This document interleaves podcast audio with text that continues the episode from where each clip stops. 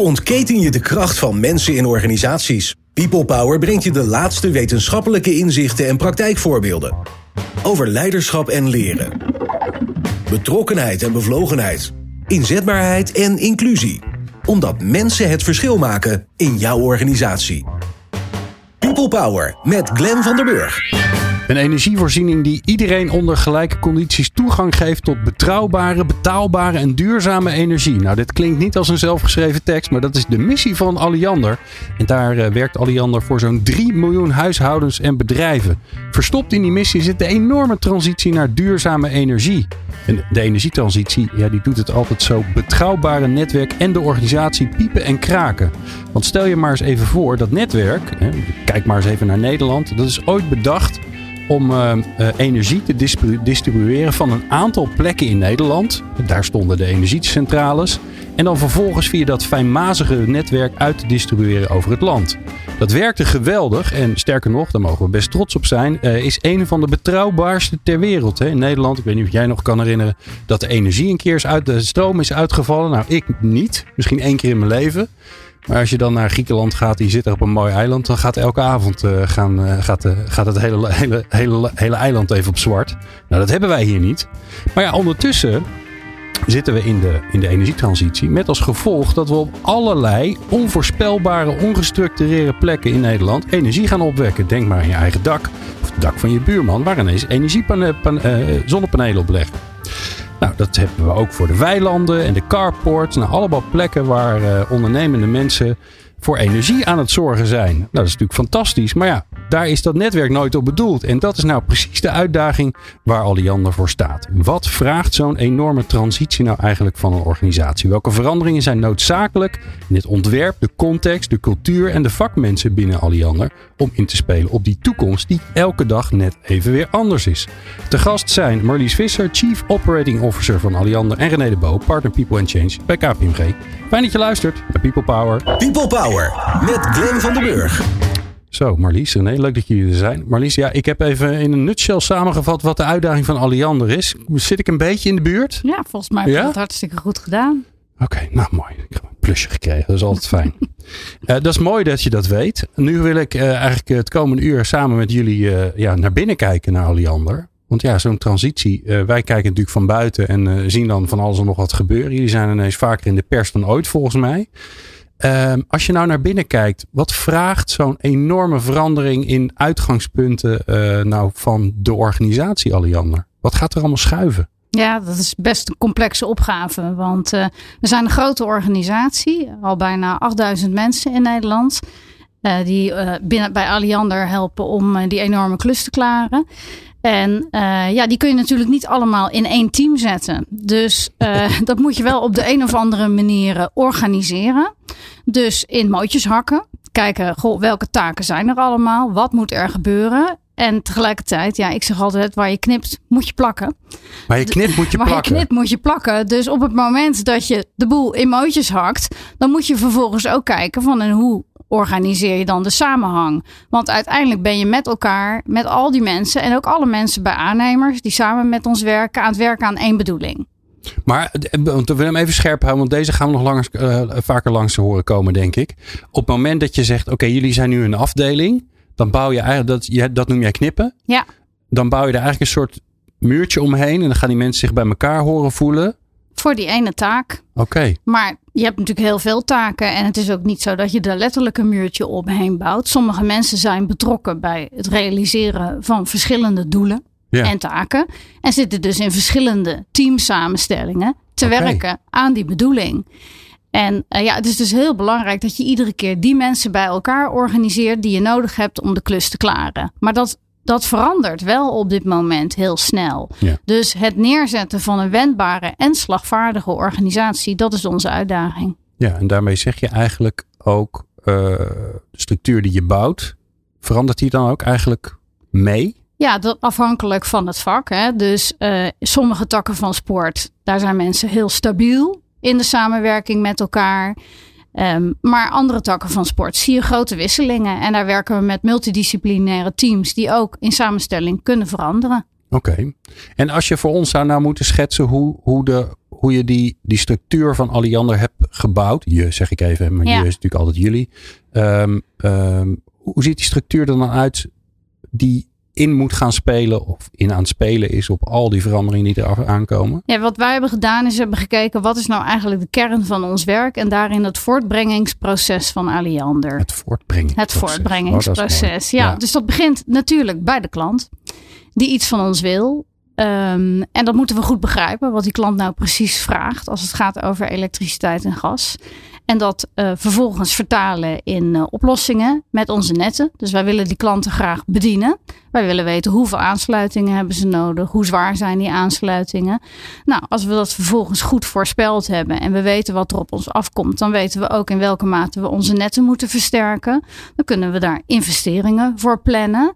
En dat alles komt dan samen met het onderhoud. Wat we te doen hebben aan de al bestaande netten samen in wat we noemen een werkpakket, hè, een activiteitenplan. En vervolgens ga je kijken, goh, kunnen we dat eigenlijk maken? Dus, uh, Maar dat is ook al nieuw, hè? Want ik zeg even uh, gechargeerd misschien. Vroeger was het zo dat uh, we nog niet zo heel veel schaarste hadden. Dus als je iets wilde, dan kwam het er. Ja.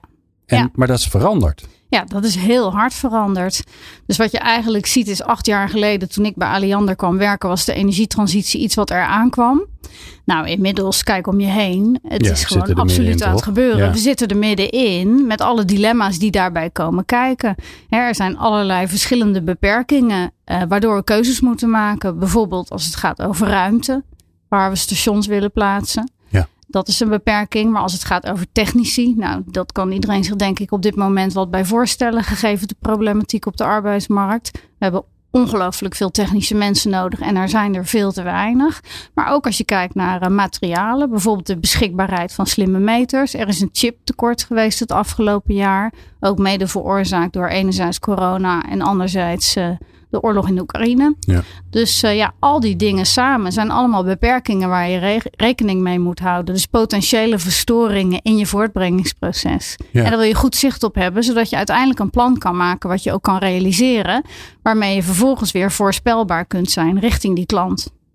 Ja, maar ik kan me ook voorstellen dat hè, doordat je schaarste hebt aan allerlei dingen, dat je ook keuzes moet gaan maken. Ja. Als je niet meer alles kan, ja, dan moet er iemand ergens kiezen. Ja. Hoe doe je dat dan? Ja, ja, nou ja, dat, precies dat. Keuzes maken. En uh, daar heb je natuurlijk wel veel data voor nodig.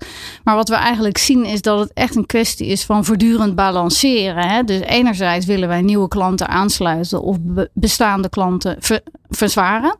Hè, als ze Ja. bijvoorbeeld zonnepanelen hebben of uh, nou, een warmtepomp aanschaffen, dan hebben ze een of een laadpaal voor een elektrische auto, dan hebben ze een verzwaring nodig. Nou, daar wil je klanten in bedienen. Ja, en simpelweg betekent dat de straat moet open, er moet een nieuwe leiding gelegd worden, dus dikkere kabels met ja, alle dikkere kabels. Ja. Ja. En uh, anderzijds wil je tegelijkertijd ook zorgen dat de netcapaciteit beschikbaar is om die klanten te bedienen. Dus ook het achterliggende net moet verzwaard worden. Ja, en je kan die technicus maar één keer inzetten. Ja. Dus uh, dan is het een kwestie van keuzes maken en dat liefst zodanig doen dat je een beetje in balans dat werk uitvoert. En dan kan ik me ook nog voorstellen dat, hè, stel je voor, ik uh, wil thuis inderdaad een laadpaal en ik ben lekker bezig met het verduurzamen van mijn huis. Dus ik heb een, een zwaardere aansluiting nodig. Um, drie maanden later mijn buurman. Eigenlijk zou je dat veel gestructureerder willen doen. Want anders moet, hè, dan moet de straat weer open, dan moet de straat weer dicht. Moet weer gul gegraven worden, Ja. moet de gul weer dicht. Ja. Ja, we komen eigenlijk een beetje uit een situatie van u roept wij draaien. en ik denk dat we daar slimmer naar moeten gaan kijken. Van kunnen we dat beter organiseren? Kunnen we dat werk voor één wijk in één keer doen? In plaats van dat we een aantal keren apart komen. Want dat is gewoon voor de samenleving in zich heel veel beter. En we zetten dan die schaarse technische krachten gewoon veel slimmer in. Ja. Je noemde al even die multidisciplinaire teams. Hè? Um, hoe werkt dat dan? Want ik kan me voorstellen dat het voor veel collega's ook nieuw is. Dat je, ja, je, je wilt toch ergens bij horen. En dan ineens hoor je bij verschillende Ja, dingen. Gelukkig horen we allemaal bij Aliander. dat is een mooi antwoord. Nou, Ja. maar dat is wel even een serieus punt om te maken. Kijk, wat denk ik het voordeel is van een organisatie als Aliander, is dat onze mensen over het algemeen ongelooflijk intrinsiek gemotiveerd zijn. om bij ons bedrijf te werken. Hè? Het is natuurlijk hartstikke leuk en uitdagend om bij een werkgever te werken waar je, waar je mag helpen aan het bouwen van iets wat belangrijk is voor de toekomst van Nederland. Dus die intrinsieke motivatie is heel hoog. En mensen zijn eigenlijk bereid om gewoon hun vakmanschap in te zetten daar waar dat nodig is. Als je het maar expliciet met elkaar afspreekt. En dat is natuurlijk wat in die multidisciplinaire teams moet gebeuren. Heel helder met elkaar maken. Wat is hier de taak? Heel helder met elkaar maken. Nou, wie um, is hier de trekker? Of hè, zoals wij dat wel eens noemen, wie heeft hier het streepje onder zijn naam van joh. Ik ben ervoor verantwoordelijk om ervoor te zorgen dat er ook daadwerkelijk een resultaat geleverd wordt. En wat is de expertise die ik nodig heb? Hm. René, je hebt niet voor niks Marlies uitgenodigd. Wij, uh, wij hebben van tevoren natuurlijk bedacht waar we het een beetje over wilden mhm. hebben. En een van de onderwerpen waar we het over wilden hebben was, uh, ja, uh, er komt veel op ons af. Ja. organisaties die niet meer verbonden zijn met de samenleving, die niet meer verbonden zijn met wat er eigenlijk nodig is in de samenleving, ja, die bestaan eigenlijk bijna niet meer. Uh, maar wat vraagt dat dan van organisaties? En een van de onderwerpen waar we het over wilden hebben is, ja, hoe, hoe organiseer je dat dan? Hoe, hoe structureer je dat in de organisatie? Welk harkje, ouderwets natuurlijk, snap ik gelijk al, maar daarom zeg ik de expres hoort daarbij. En toen, dacht, toen zei jij, nou, dan moeten we Marlies hebben van Alliander. Waarom specifiek Alliander?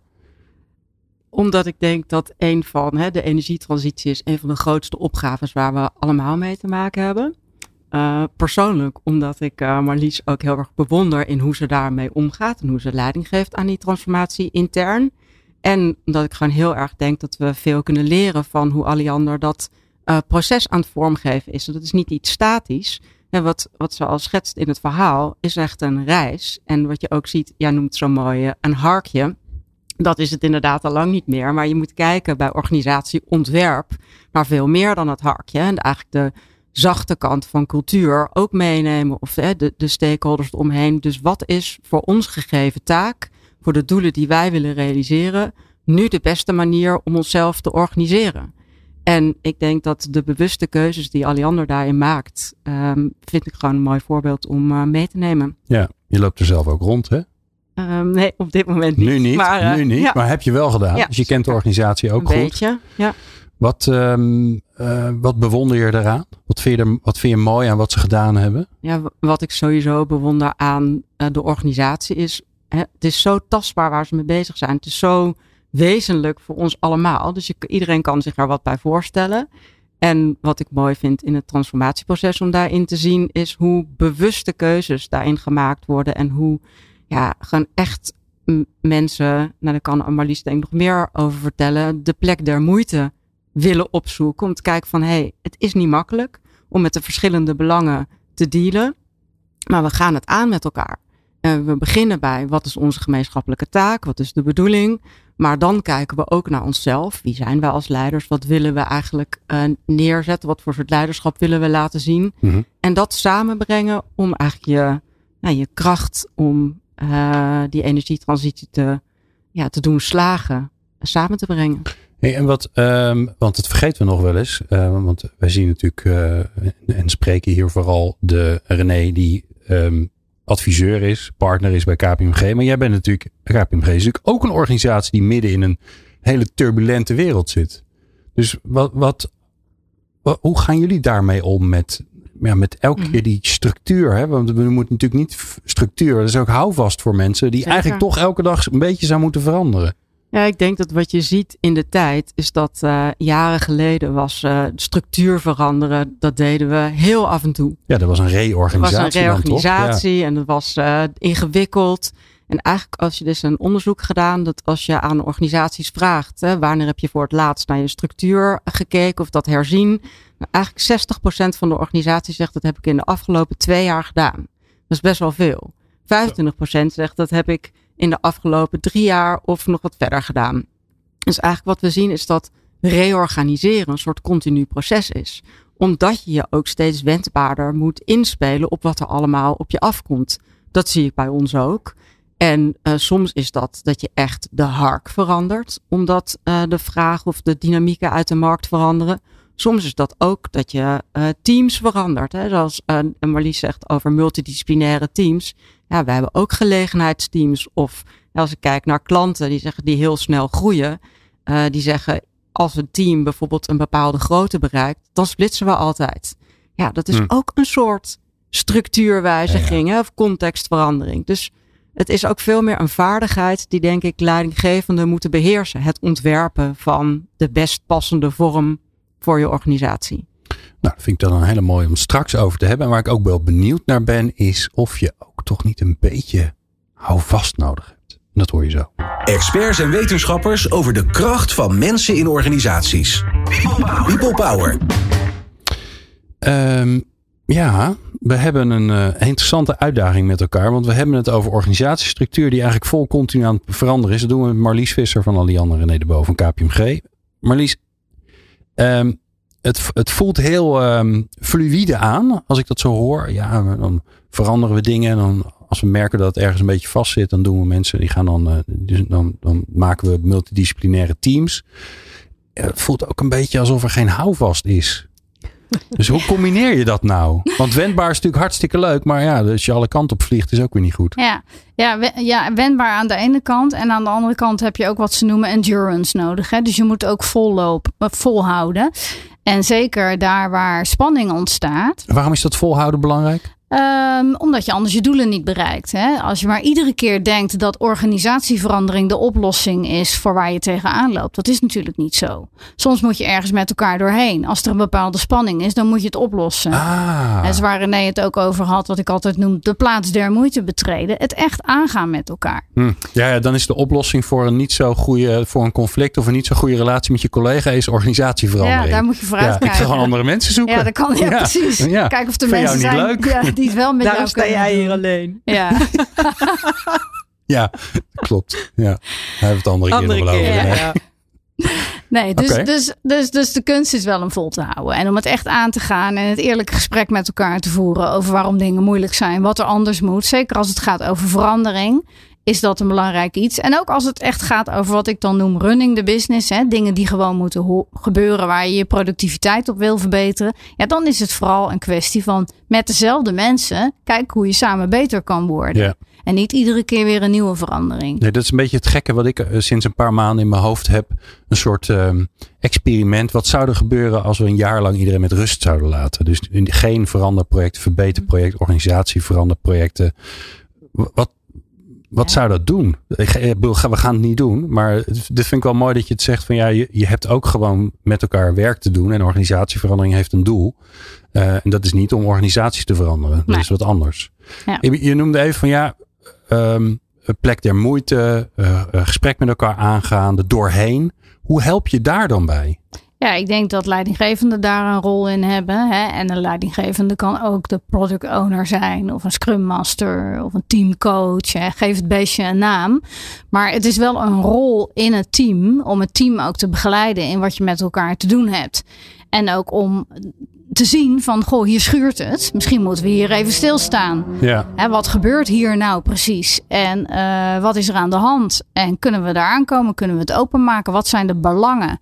Er zijn natuurlijk in ieder team belangen, gezamenlijke belangen, maar soms ook individuele belangen. En hoe transparanter je die krijgt, hoe beter je ook daadwerkelijk richting oplossingen kan en de weg vooruit kunt vinden met elkaar. Dus Ja. het op tafel krijgen van die verschillende belangen is wel echt noodzakelijk. maar dat is voor die leidinggevenden natuurlijk ook niet altijd even makkelijk. Is ook niet een soort, simpelweg gezegd, het conflict aangaan, hetgene opzoeken wat, ja, wat, wat ro- ro- rot voelt. Daar ga je, ik ben toevallig het boek van Amy Edmondson over eh, psychologische veiligheid aan het eh, eh, lezen. Luisteren moet ik eigenlijk zeggen. En wat ik wel opvallend daaraan vond, is dat zij ook zegt, ja, het is vaak is de korte termijn besluit om niet je mond open te doen. Ehm, want dan heb je ook geen eh, sociaal, eh, eh, geen, geen sociale last daarvan. Ja. Is vaak ehm, toch een, een veiligere beslissing dan het wel zeggen. Terwijl het misschien over leven en dood gaat. Hè? In de zorg. In jullie Ja. geval misschien ook wel. hè, Want Ja. de veiligheid is natuurlijk heel spannend met, nou, met Zeker. gas en, eh, en hoogspanning. Dat is ook nogal wat. Ja. Hoe zorg je er dan voor dat dat er. Ja, dat die leidinggevende erbij geholpen wordt? Want het is nogal wat. Ja, nee, ik denk dat, dit, dat het daarom ook een vak is. Hè? Dus uh, je moet daar ook conditie in opbouwen. Dus wat er gebeurt is op het moment dat je dat doet, dat je iets wel bespreekbaar maakt, ondanks dat je het spannend vindt en merkt dat er dan dingen ten positieve veranderen, dan zul je het een volgende keer sneller doen. Ja, dus het is echt iets waar je conditie in moet opbouwen en echt van je hart geen moordkuil maken. Dat kun je leren. Ja. Hoe doe jij het zelf? Nou, jij zit in de raad van bestuur. Daar komen ook dingen langs waarvan je soms denkt, hè? Nee joh. Ja, nou, gewoon uitspreken en zeggen. En, en heeft het er altijd ingezeten? Um, nee, ik heb dat ook moeten leren toen ik jonger was. Maar ik heb wel gemerkt dat je er echt stukken gelukkiger van wordt als je het wel doet. Ja. als, je, als je gelooft bijvoorbeeld in diversiteit, dan moet je ook jezelf uitspreken. Ik ga ervan uit dat ik op deze plek zit om de waarde die ik toe te voegen heb. Anders had er wel iemand anders gezeten. Ja, als ik me dan niet uit ga spreken, dan ben ik natuurlijk geen knip voor de neus waard. Dus dat moet ik wel doen. En dat geldt voor alle collega's. Dus als je mensen met elkaar samenbrengt in teamverband om een klus te klaren, dan moet duidelijk zijn waarom die mensen daarbij zitten. En als je van jezelf denkt, nou, waarom zit ik hier? Of ik zeg maar even niks, dan is het eigenlijk veel beter om gewoon te vertrekken. Ja. Want dan voeg je niks toe. En dat is ook helemaal geen schande. Daar kan je ook het team mee vooruit helpen. Ja. En tegelijkertijd, Marlies, iedereen die dit nu hoort en je zegt van, uh, ja, spreek je gewoon uit. En denk van, hou, ik vind dat nog best wel spannend. Volgens mij hebben jullie ook heel bewust in geïnvesteerd in hoe helpen we nou mensen zich daarin uit te spreken. Dus sommige mensen hebben echt wel even een setje nodig. Ja. Ja. ja. Nou, dat klopt. Goed leiderschap is daarbij belangrijk. Ruimte maken, veel communiceren. Uh, groot maken als mensen iets zeggen wat misschien anderen niet willen horen. En ze daar expliciet voor bedanken. Ja, dat is echt iets wat je in de cultuur moet laden. En wat nooit 100% goed gaat. Dus nog steeds zijn er ook bij Aliander mensen die het spannend vinden om dingen te zeggen. En dat begrijp ik, want het hoort ook gewoon bij mens zijn. Hè? Dus ik, het is ook niet dat ik nooit iets spannend vind om te zeggen. Ik vind heel vaak dingen spannend om te zeggen of te doen. Alleen, ik heb ervoor gekozen om ze meestal toch te doen. Ja, dan ga je er even overheen, over dat bultje. Ja, ja. Um, interessant, hè? Dus je, je, je organiseert om wendbaar te zijn. Daardoor pas je ook regelmatig dingen aan je kiest er ook voor. Vaak past dat niet in, mensen in hun hoofd. Maar je kiest er ook voor om soms die endurance, dat volhouden. Je moet ook volhouden om te kijken of het wel werkt. En of het wel of niet werkt. Hoe, hoe leg je die balans? In wanneer denk je, ah ja, nee, maar nu, we hebben nu lang genoeg volgehouden om te bewijzen dat dit niet de weg is. We moeten het anders gaan doen. Ja, het is denk ik ook een kwestie van aanvoelen en daar gewoon aan de voorkant goede afspraken met elkaar over maken. Hè? Van hoe lang gaan we dit proberen? Want inderdaad, soms kan je eindeloos ergens mee doorgaan en dat is natuurlijk ook niet de bedoeling. En dan moet je het gewoon anders proberen. En er is gewoon ook geen one size fits all. Dus je hebt verschillende methodieken waarin je kan samenwerken. Eh, ik zeg wel eens, het is soms bijna religieus. Hè? Verschillende geloven daarin. Doe je alles met lean of doe je het met Kanban of Scrum of Agile. Nou, we kennen denk ik allemaal die termen wel. Hm. En al die verschillende werkmethodes hebben allemaal waarde. Maar het is niet zo dat één manier van werken altijd goed werkt. En dat is wel wat ik vaak zie bij mensen, is dat ze dan heel erg ervan overtuigd zijn. Ik heb dat zelf in het verleden ook wel gehad. Ja, zo, zo nu, nu heb ik echt ontdekt hoe het moet. En dan moet ook alles op die manier. Mhm. En dan ga je elkaar vervolgens weer in de weg zitten. Terwijl als je echt de moeite neemt om te luisteren naar elkaar, kom je er heel vaak achter dat waar je nou denkt dat je met twee verschillende manieren van werken hebt. Te maken hebt er ook heel veel overeenkomsten zijn. En je echt de weg samen vooruit wel weer kan vinden. Dan gaat het alleen nog maar over die manier van werken en niet meer de taak die je te volbrengen hebt. Ja. ja. niet waarom je überhaupt wat aan het veranderen was. Ja. ja, dat vind ik ook. Dat, is wel gek toch René, wat het toch is hè? Zo, ik denk, jij, soort, jij gebruikte het woord houvast. Ik denk dat dat uh, ook wel terecht is. Mensen willen uiteindelijk houvast. En als je dan ziet dat bij de buren agile werkt, of opeens is dat uh, een grote trend in uh, managementland, dan denk je, dan zal het wel goed zijn. En dat geeft mij houvast om het juiste te doen. Maar ik denk dat je voorbij de theorie of voorbij de trend moet gaan. Te kijken van wat is er in mijn organisatie voor de taak die wij te doen hebben nu nodig. En dat vraagt gewoon iets meer verdiepen, even wat meer tijd nemen om echt te kijken naar de consequenties van je keuzes. En we hadden het er net eventjes over. Soms gunnen we onszelf die tijd ook niet. En zeggen van nou ja, dan maar het model kopiëren van de ander. En dan krijg je op een gegeven moment een stammenstrijd rondom modellen. Ja. Terwijl ik denk dat er onderliggend zitten gewoon een aantal altijd basisdilemma's die je te tackelen hebt in het ontwerpen van een organisatie. Ja. Hoeveel autonomie geven we? Hoeveel um, uh, accountability stoppen we in het ontwerp? Hoeveel ruimte is er voor innoveren? Hoeveel hm. ruimte is er voor routine? Hoe zorgen we voor alignment? En dus er zijn dus gewoon basisvragen die je hebt af te pellen met elkaar om een goede keuze te maken. Hoe structureer je? Het is maf eigenlijk dat we daar zo weinig, ik generaliseer even, hoe weinig we daar eigenlijk mee bezig zijn, toch? Hoe werken we nou met elkaar? Ja.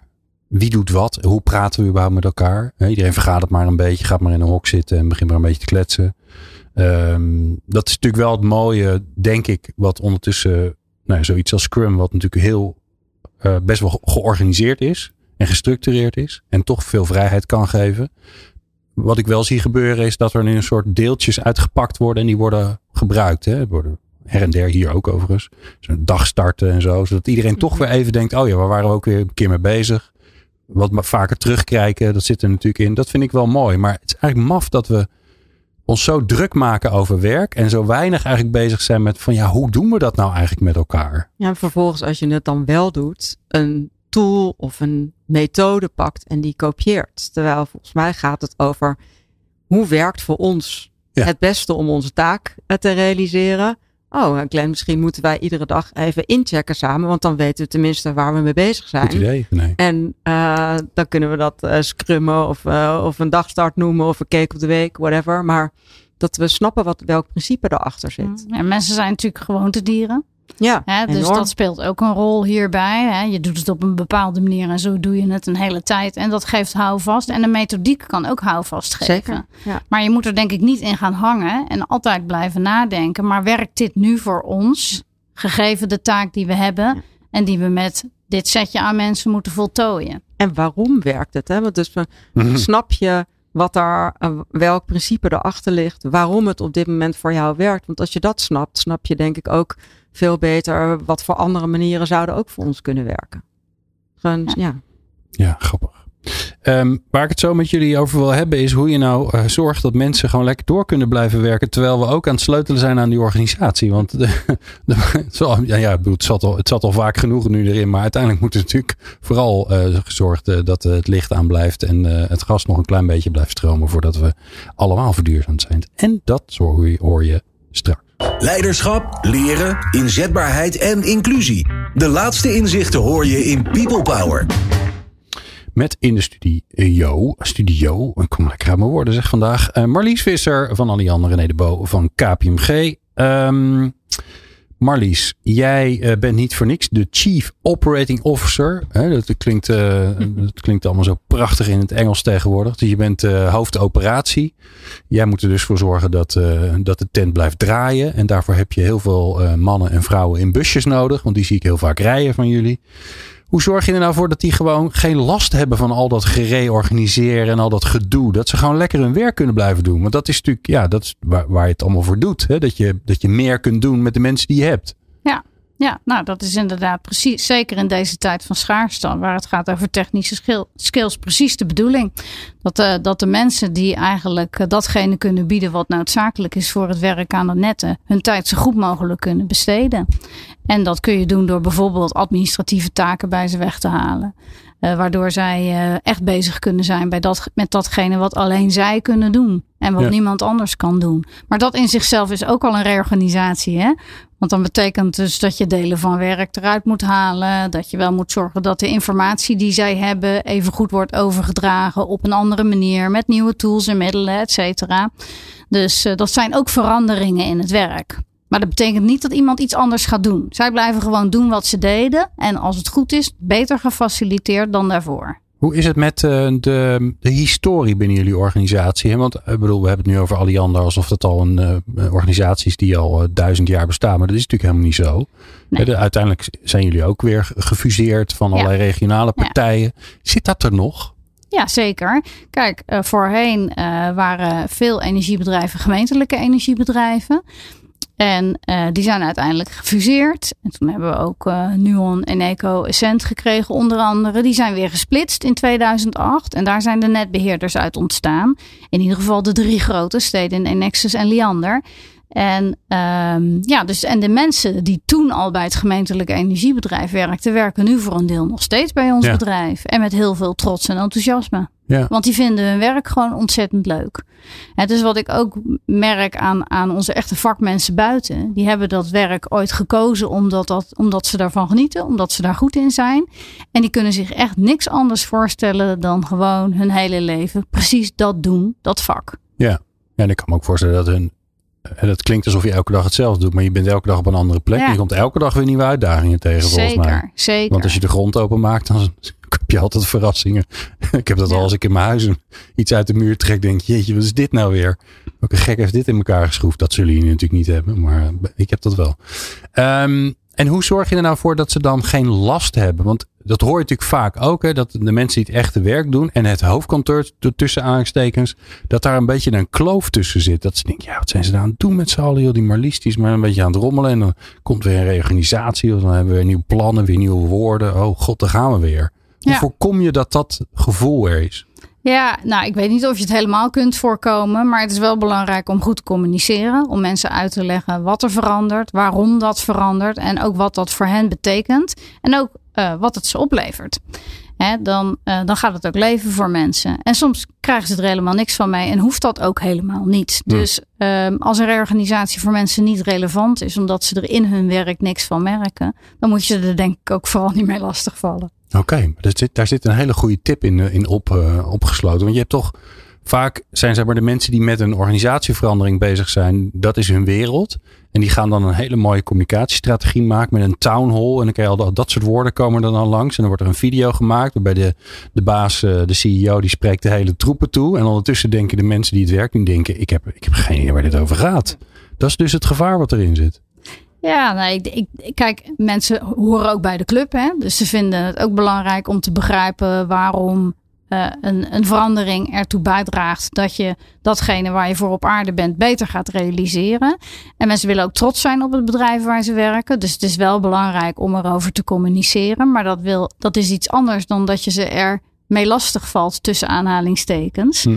Um, want ja, zij willen ook gewoon lekker hun eigen werk doen. Maar het is wel belangrijk om ze uit te leggen waarom het er beter van wordt.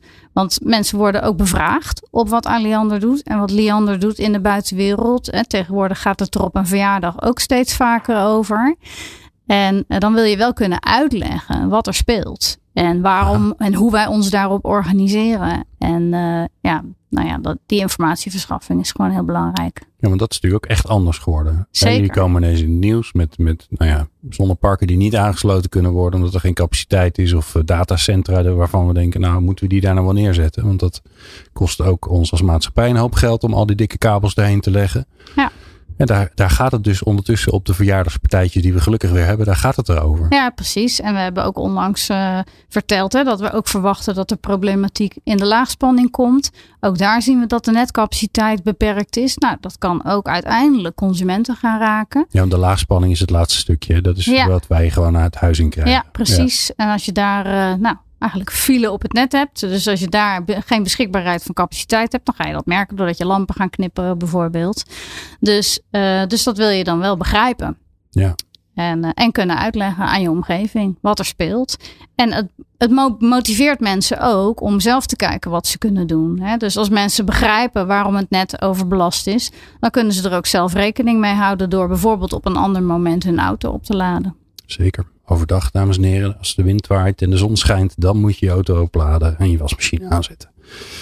Wel, wat wel grappig is trouwens, maar een beetje zijstapje, is dat, dat energie is ineens een onderwerp geworden. Ja. Dus ik heb ineens met de buurman, die heel, mijn buurman is heel blij dat hij een, een uh, flexibel tarief heeft. En die uh, houdt per seconde zo'n beetje bij wat het kost. En die, die gaat dus ook, die, en die, die baalt dat er niet een soort appje is die vanzelf zijn wasmachine aanzet als de prijs nul is.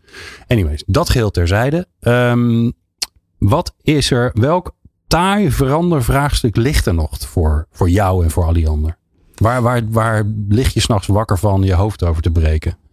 Nou, kijk, als het gaat over uh, hoe stuur je nou al die teams aan, hè? hoe bestuur je zo'n bedrijf, dan wil je natuurlijk heel graag dat je met alle plannen die je hebt en alle doelen die je formuleert en alle KPI's die je daarop zet en alle metingen die je doet, dat dat uiteindelijk onderaan de streep optelt tot de bedoeling.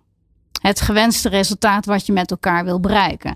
En dat is best ingewikkeld om dat te doen, want je vertaalt al die doelen in subdoelen per onderdeel en die gaan daar ook weer mee aan de slag en die vertalen dat ook weer door in de hark. Mhm.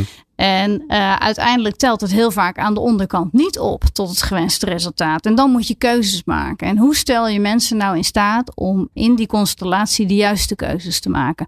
Dat is iets wat, uh, wat mij nog wel bezighoudt. Ja, ja, dus je, je, maar je, je grote doel wat je met elkaar hebt, dat wordt in allemaal kleine stukjes opgeknipt. Ja. En daardoor hebben, de, hebben afdelingen of mensen de neiging om heel erg bij te dragen aan dat ene stukje. Maar met wel als gevolg dat het net even anders wordt, waardoor de puzzel niet meer past. Ja, precies. En dan, Hmm. en dan moet je keuzes maken. En we weten allemaal dat mensen gelukkig worden van autonomie. Dus als jij in je werk in staat bent om op het niveau waar jij je werk doet ook keuzes te maken, dan draagt dat ertoe bij dat jij je ook betekenisvol kunt voelen. Dus dat wil je mensen ook graag bieden. En dat is best heel ingewikkeld om dat te organiseren. Dus dat is een puzzel die mij zeker bezighoudt. Ja, en is het lastige dan, uh, hoe zorg je ervoor dat mensen zich bewust zijn welk deel ze in het geheel zijn, zodat ze ook Ja. het geheel in hun hoofd hebben? Ja, zeker. Dat ze iedere keer weer die link houden met de bedoeling waar ze aan bijdragen. Ja, dat is erg belangrijk. En soms nou, vergeet je dat wel eens. Dan zit je zo erg in je eigen kleine stukje te optimaliseren. Dat het dus niet meer optelt tot het geheel. En ik denk wat daarnaast ook belangrijk is. Dat is ook nog iets wat mij bezighoudt. Is hoe uh, je ervoor zorgt dat zo'n enorme groep intrinsiek gemotiveerde mensen soms ook gewoon kan volgen. ja, ja, ja, dat is, ja, dat is heel leuk. Ja, dus er zijn veel Kunnen ideeën en richtingen. En, uh, Ja, oh, dat is wel. ook een Ja. mooi vraagstuk. Ja. Ja. het is gelukt hoor. Het is me gelukt. Iedereen is intrinsiek gemotiveerd. En hoe krijg ik al die kikkers in die kruiwagen om nog enigszins dezelfde kant op te gaan? Ja, het wordt een mooie volgende uitzending. Maar even terug naar de eerste, want die vond ik wel leuk. René, want deze, af, deze aflevering maken we natuurlijk ook in het kader van al onze purpose afleveringen. Eh, ze zijn allemaal te beluisteren natuurlijk via peoplepower.radio. Dit is natuurlijk wel een, de grote uitdaging. Dus het, is, het besturingsmodel is natuurlijk hè, trickle down. eh, In stukjes Ja. knippen naar beneden of cascaderen. Of nou, geef er een leuk woord aan. Uiteindelijk wil je dat het bij, met elkaar die, die purpose nastreeft. Maar dat is heel groot. En nou, heel klein wil ik niet zeggen. En, en klein bij elkaar. Ja, ik denk dat Marlies al een aantal eh, hele duidelijke handvatten heeft gegeven. Iedere keer hebben we het over de bedoeling en de taak. Dus volgens mij is de bedoeling, zeg maar, het, het overkoepelen die purpose. En de taak is wat ik iedere dag te doen heb. En ik denk dat je als leiderschap van een organisatie hebt te investeren in het heel helder overbrengen. Wat is nou die bedoeling? En wat is ons verhaal daarin? Waarom is dat ten diepste zo belangrijk voor ons om te doen? Welke keuzes vraagt dat van ons? En wat betekent dat dan voor jou in je dagelijks werk? En dat gaat natuurlijk weer over, jij zei net, zullen we eens een jaar geen veranderprogramma's doen? Maar ik zou zeggen, zullen we eens een jaar gewoon ontzettend gewoon goed sturen? Namelijk alignment op de bedoeling, op de keuzes die je hebt en waarom dat zo belangrijk is. En dan mensen handelingsperspectief Ja. geven op, wat vraagt dat dan van mij? En dan kom je denk ik al een heel eind, want dan maak je het grote en het kleine, eh, breng je dicht bij elkaar. En als iedereen bij alles wat hij doet zich eigenlijk de vraag stelt van hoe draag ik op dit moment het best bij aan wat wij als organisatie als geheel te bereiken hebben. En misschien doe je dat niet uh, op elk moment dat je een meter aansluit, maar even in het wekelijks werkoverleg uh, bespreken van hoe hebben we dat eigenlijk deze week gedaan, zodat die purpose top of mind blijft en vertaald wordt naar concreet vandaag de dag. Ja. Dat helpt dan een heel stuk, denk ik. Ja. Maar nou, als je dit vertelt, dan denk ik, ja, voor mij werkt het zo. Maar dan ga ik heel erg in de praktijk in. En dan ben ik, ehm, dan moet ik eh, bepalen of we eh, A of B gaan aansluiten. Een woonhuis die aan het verduurzamen is, eh, of een datacenter. Ehm, ehm, of ik moet kiezen, ga ik iemand wel of niet aansluiten. Als ik hem wel aansluit, draag ik bij aan het verduurzamen. Als ik hem niet aansluit, draag ik bij aan de stabiliteit van het netwerk. En je wil ze allebei. Want dan wordt het ingewikkeld. Ja, Toch? dat klopt. En dat is ook, en voor mij zijn dat soort dingen bijna niet. eh, ze zijn bijna niet bij één persoon in- neer te leggen, maar ze zijn ook bijna niet als heel bedrijf op te lossen. Nee, ja, dat is waar we het eerder ook al over hadden. Hè? Over dat balanceren in die verschillende doelen. Hè? Het moet natuurlijk allebei. Maar uh, daar keuzes in maken, dat is best heel ingewikkeld. En nou is het ook nog eens een keer zo dat de wetgever daar ook iets over zegt. Hè, met een verplichte aansluittermijn. En op dit moment nog first come, first serve in de prioritering waarmee we mensen aansluiten. En je ziet dat ook de wetgever... Dat lijkt me, dat lijkt me zo frustrerend. Hè? Dus dan komt enerzijds komt er een datacenter waarvan je denkt, ja, waarom? Hè, dat kost een hoop energie en uh, hadden we die niet op een andere plek neer kunnen zetten? En die komt eerder dan dat, uh, dat, dat ongelooflijk gave duurzame zonnepark wat gaat bijdragen aan de verduurzaming. En dan moet je dat datacenter voor, voorrang ja, geven. Op dit moment wel. En tegelijkertijd zie je dat eigenlijk de samenleving in zich heel hier, zich hierop aan het beraden is van hoe willen we dat eigenlijk doen. Ja. En er zijn meerdere van dit soort keuzevraagstukken op dit moment die spelen in Nederland. Er zijn natuurlijk allerlei transities gaande. Je zou toch bijna burgerlijk ongehoorzaam even dat nummertje zo omwisselen. ik, ben, ik roep niemand op tot fraude hoor. Maar de, ja, aan de andere kant, verzet is soms ook nodig. Maar dat geldt terzijde. Um, maar dat, maar juist dit lijkt me zo ingewikkeld. Dat je, natuurlijk gaat het om de purpose. Alleen vaak zitten er dingen in die elkaar soms in de weg zitten. Ja, dat klopt. En er is maar één manier om dan een goede keuze te maken. En dat is het uitpakken, uitspreken, belangen helder op tafel krijgen. En dan met elkaar die keuze maken.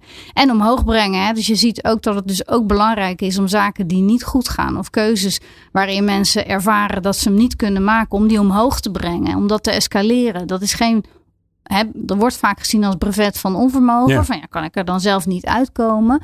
Terwijl het ook wijsheid kan zijn om het een niveau omhoog te brengen of naar een ander gremium te tillen, waar misschien wel de informatie beschikbaar is om er een keuze over te maken, zodat je allemaal weer verder kan. En dan kom je dus weer terug op durf je je uit te spreken van hé, hey, eigenlijk heb ik hier een keuze te maken en kan ik die op mijn niveau wel maken? Ja.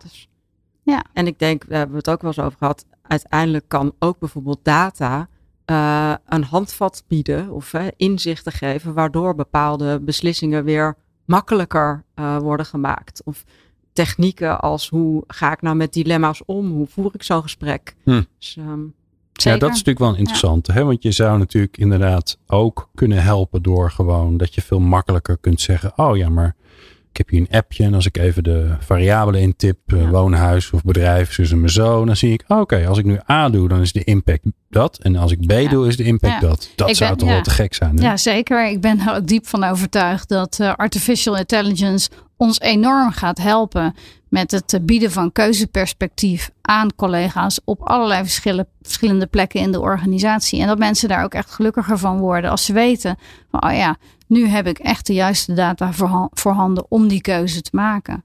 En meestal is een gebrek aan overzicht de reden dat je de keuze niet maakt, waardoor je onzeker wordt. Ja. Dat is ook heel logisch. Um, ik zit even naar de tijd te kijken. Maar ik vind hem toch wel even interessant. Die kikkers in die, vrij, die, die kruiwagen. Moet nog heel even over hebben. Ja. Want dat is een, maf dilemma. Iedereen is natuurlijk, hè, eh, ook in deze uitzending, iedereen is bezig met meer autonomie, meer engagement. En nou zeg jij, ja, soms, uh, jongens, soms ook gewoon naar links. Ja, ervaar ik natuurlijk ook bij mezelf. Hè? Doordat je zo intrinsiek gemotiveerd bent voor het werk wat je doet. Hè? Je leest iedere dag over dat werk in de krant. Je weet dat er een enorm belang is in de samenleving. En dan wil je ook heel graag dat het juiste gebeurt. Ja, en soms moet je toch jezelf even tegenhouden en denken: ben ik nou degene die nu het vakmanschap heeft om hier een keuze in te maken. En als dat niet zo is, ah. misschien is het dan beter om het aan een ander over te laten. En het kan oncomfortabel zijn, maar is soms heel gezond. Dat is een mooie volgende stap inderdaad. Dat je eerst is het goed om overal een mening over te hebben, want dan ben je lekker geengaged. Maar en de volgende stap is eigenlijk level up, is dat je denkt: oké, ik voel nu A, maar eigenlijk is dat aan mij. Nou, nou, volgens mij is er iemand anders die dat inderdaad beter kan bepalen. Ja. Ja, mooi is die.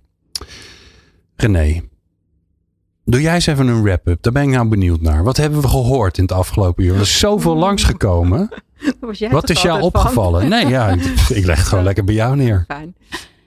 Um, nou, bij mij resoneert nog wel het laatste stukje over dat volgen. Want het gaat over, heeft iedereen zijn eigen plek in het systeem? Hè? En als je een team bent, dan uh, heb je verschillende kwaliteiten en talenten om die taak te realiseren. En het is dus ook heel erg belangrijk dat je weet waar sta ik en waar sta ik voor. Dus dat resoneert wel bij mij van hey, hoe zie ik dat nou ook bij andere klanten gebeuren? Ik denk dat wat waar we het over gehad hebben, wat uh, ook bij mij blijft hangen, is echt die bedoeling en de taak, uh, zeg maar, uh, aan elkaar koppelen. En dat de operatie, hoe zorgen we nou eigenlijk dat we die gewoon door laten gaan en eigenlijk alles uh, binnen doen om te zorgen dat mensen buiten gewoon het werk op een hm. betere, slimmere, snellere manier kunnen doen. En wat is daarbij de juiste dosis van informatie en betrokkenheid? Nou, dat doe je toch mooi zo even onvoorbereid uit de losse pols terwijl ik je voor blok zet. Dus uh, complimenten. Zeker. Ik dank jullie beiden zeer. Um, Marlies Visser, leuk dat we even in Aliander mochten kijken met elkaar. Dus dank je wel voor de openheid. René, bijzonder leuk dat je er natuurlijk weer was. Um, volgende maand gewoon gezellig weer hè. En jij natuurlijk dankjewel voor het luisteren naar deze aflevering 517 of zo. Ik weet niet meer precies. Ik ben de tel, een beetje, nou, ik ben de tel niet kwijt, maar ik weet het gewoon niet aan mijn hoofd. Uh, van de People Power. Veel meer te beluisteren natuurlijk op peoplepower.radio. En we staan ook open voor alle suggesties, zolang ze maar een beetje opbouwend zijn. Dankjewel.